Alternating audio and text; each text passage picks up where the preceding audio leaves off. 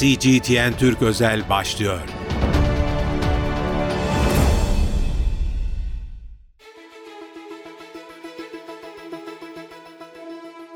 CGTN Türk özel yayınından merhaba ben İlkay Akkaya. Gündemimizde Ziraat Bankası'nın Çin ile yaptığı kredi anlaşması ve Bitcoin'deki son gelişmeler var. Ekonomi yazarı Sayın Gazeteci Recep Erçin'le konuşacağız.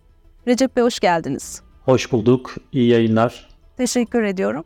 Ee, Ziraat Bankası Çin'le bir kredi anlaşması yaptığını duyurdu. Çin Exim Bank'tan 500 milyon dolarlık e, kaynak sağlandığını e, aktardılar, açıkladılar. E, Recep Bey bunu nasıl yorumlamalıyız? Özellikle bizdeki dış ticarete etkisi ne olacak? Buradan başlayalım mı? Tabii bir defa şu meseleyi iyi irdelemek gerekiyor. Daha doğrusu ortaya koymak gerekiyor.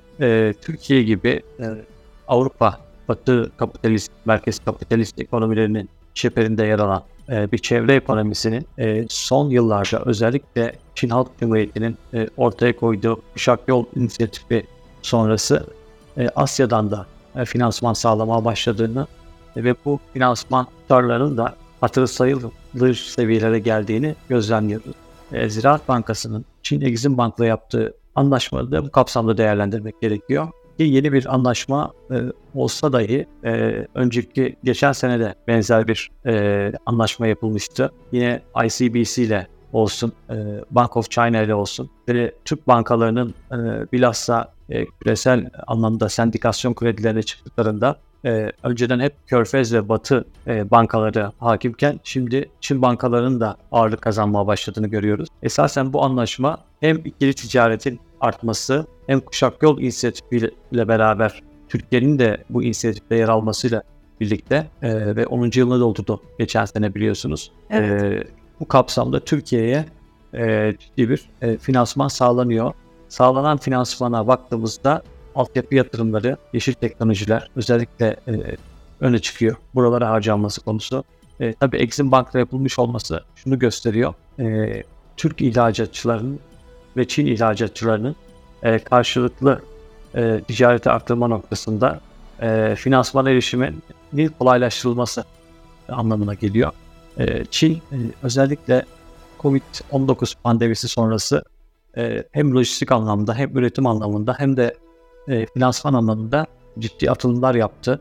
Bunu e, Çin'e, Çin fuarlarına gidip gelen e, Türk e, teşebbüslerden duyuyoruz, ihracatçılardan duyuyoruz. Her gelen e, Çin bildiğiniz gibi değil diyor. Yani herkesin kullandığı kelime bu oluyor. Çin artık bildiğiniz gibi değil.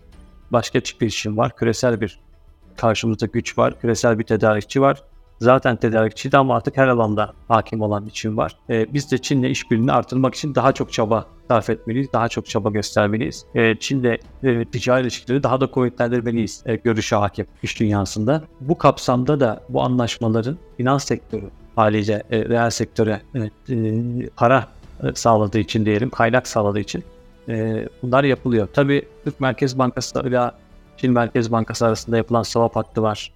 Evet. Bir swap tutarının daha da geliştirilmesi e, konuşuluyor. Geliştirilmesi gerektiği konuşuluyor. E, Çin'in bu anlamda aldığı inisiyatifler var. E, sadece rezerv para dediğimiz dolar, avro ve pound bazında ekonomilerin ve ticaretin sürdürülmesi değil, e, alternatif para birimlerinin de özellikle ülkelerin milli para birimlerinin de ve de ticaret yapılması ve böylece kur riskinden korunulması noktasında da Çin'in burada ön aldığını söylemek lazım. Evet yine burada da e, yerel para birimi üzerine Ziraat Bankası ile yapılan anlaşmada e, yine yerel para birimine ilişkin. E, burada sizin de altını çizdiğiniz üzere e, hedeflenen aslında bizim ekonomimizi dolayısıyla korumak adına olmuş oluyor öyle değil mi? Kesinlikle öyle. Şimdi e, bütün dünya ticareti rezerv paralarla yapılıyor olsa da rezerv paraların e, hakimi o ülkede e, merkez bankaları. Dolayısıyla bu ülkelerin merkez bankalarının uyguladığı para politikaları doğrudan sizi ticaretinizi etkilemiş oluyor.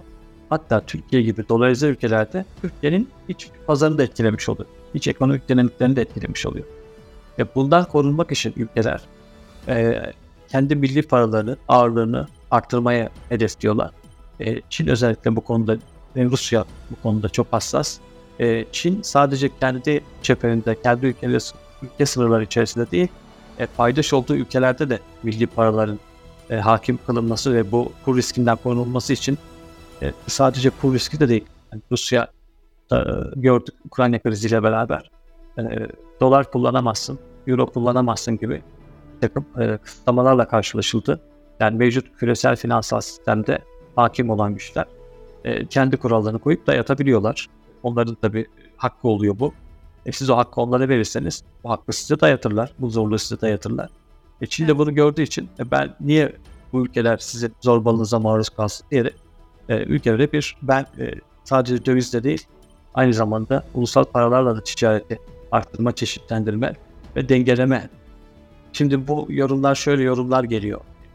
Batı tarafından da taraftan da işte e, dolar e, devreden çıkartılamaz. Bir kısım böyle söylüyor. Bir kısım da e, dolar devreden tamamen çıkıyor. Şimdi ikisi de e, ne tamamen devreden çıkacak ne de tamamen devreden çıkartılamaz. Şu anda çok fazla dolar endeksli e, batı ekonomileri finansal yapısı endeksli bir küresel mimari var. Bu mimarinin dengelenmesi, dünyanın bir dengeye oturması gerekiyor. Çin de bu dengeye oturtma noktasında da e, bir takım adımlar atıyor. E, Türkiye'nin de bu adımlara destek verdi, el uzattı.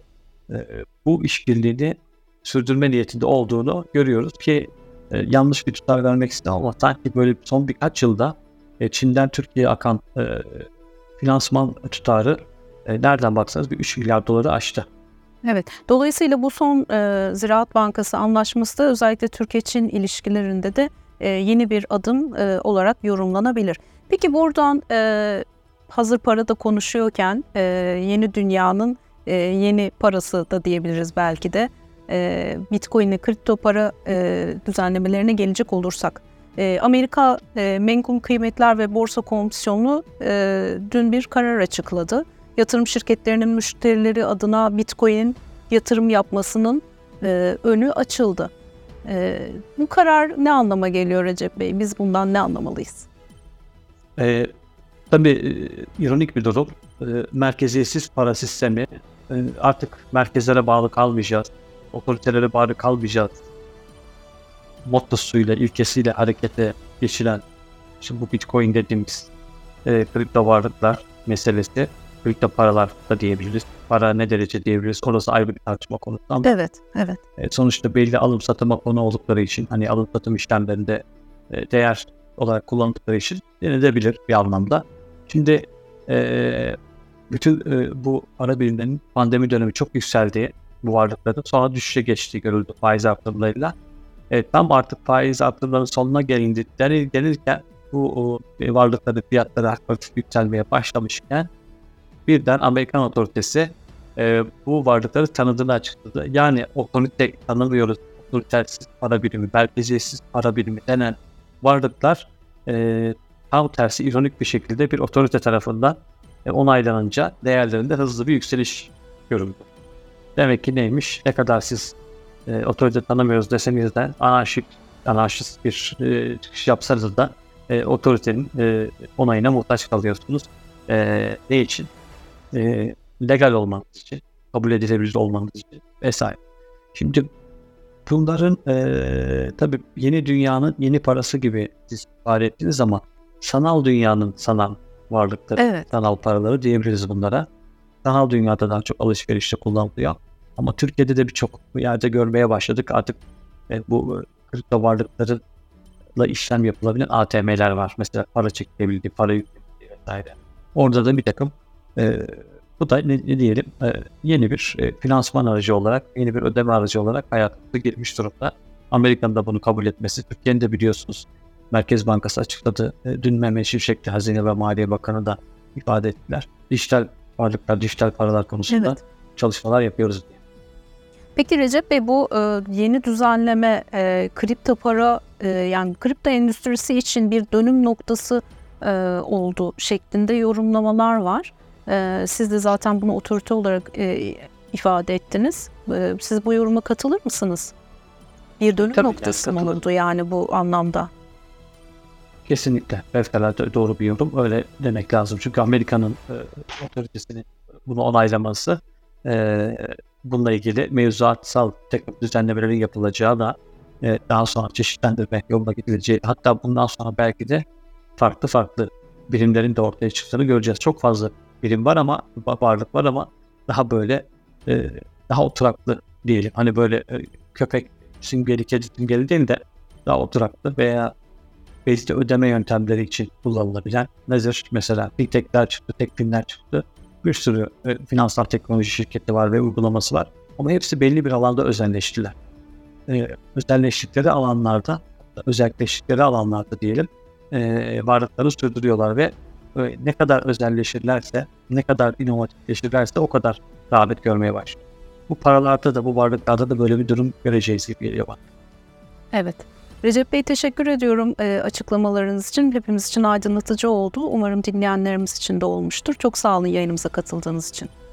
Belki son bir şey eklemek gerekiyor. Lütfen buyurun tabii. Türkiye İş Bankası geçen süreçte bu kripto demeyelim de ona blok zincir üzerinden ticaretin yapılması gibi takım e, adımlar atmıştı, bir anlaşma yapmıştı. Ve özellikle uluslararası ticarette ödemelerin e, Swift sistemi üzerinden değil de bu modeller üzerinden, büyük varlıklar üzerinden gitmesi ve gönderilmesi ve böylece Amerikan sistemi dışında da bir alternatif, ikinci bir alternatif, hatta belki üçüncü bir alternatif biliyorsunuz. Rusların SPSP'si var. Çinlerin kendi ödeme yöntemleri var. Ee, bir başka e, e, alternatif olmasına sebebiyet verecektir. Bu, ileride bunu da görebiliriz. Evet ya sanırım e, dünya çok kutupluluğa doğru giderken bundan hem teknoloji hem para her alan e, etkileniyor. Bugün sanırım bu kararlar biraz da buna da hizmet etmiş olacak dediniz siz de. Recep Bey teşekkür evet. ediyorum yayınımıza katıldığınız için. Çok sağ olun. İyi yayınlar. Sağ olun. Ziraat Bankası'nın Çin'le yapmış olduğu anlaşmayı ve Bitcoin'deki son gelişmeleri e, Ekonomi Gazetesi, ekonomi yazarı, gazeteci aynı zamanda Recep Erçin'le değerlendirdik. Bize ayrılan sürenin sonuna geldik. Yeniden görüşmek dileğiyle. CGTN Türk özel sona erdi.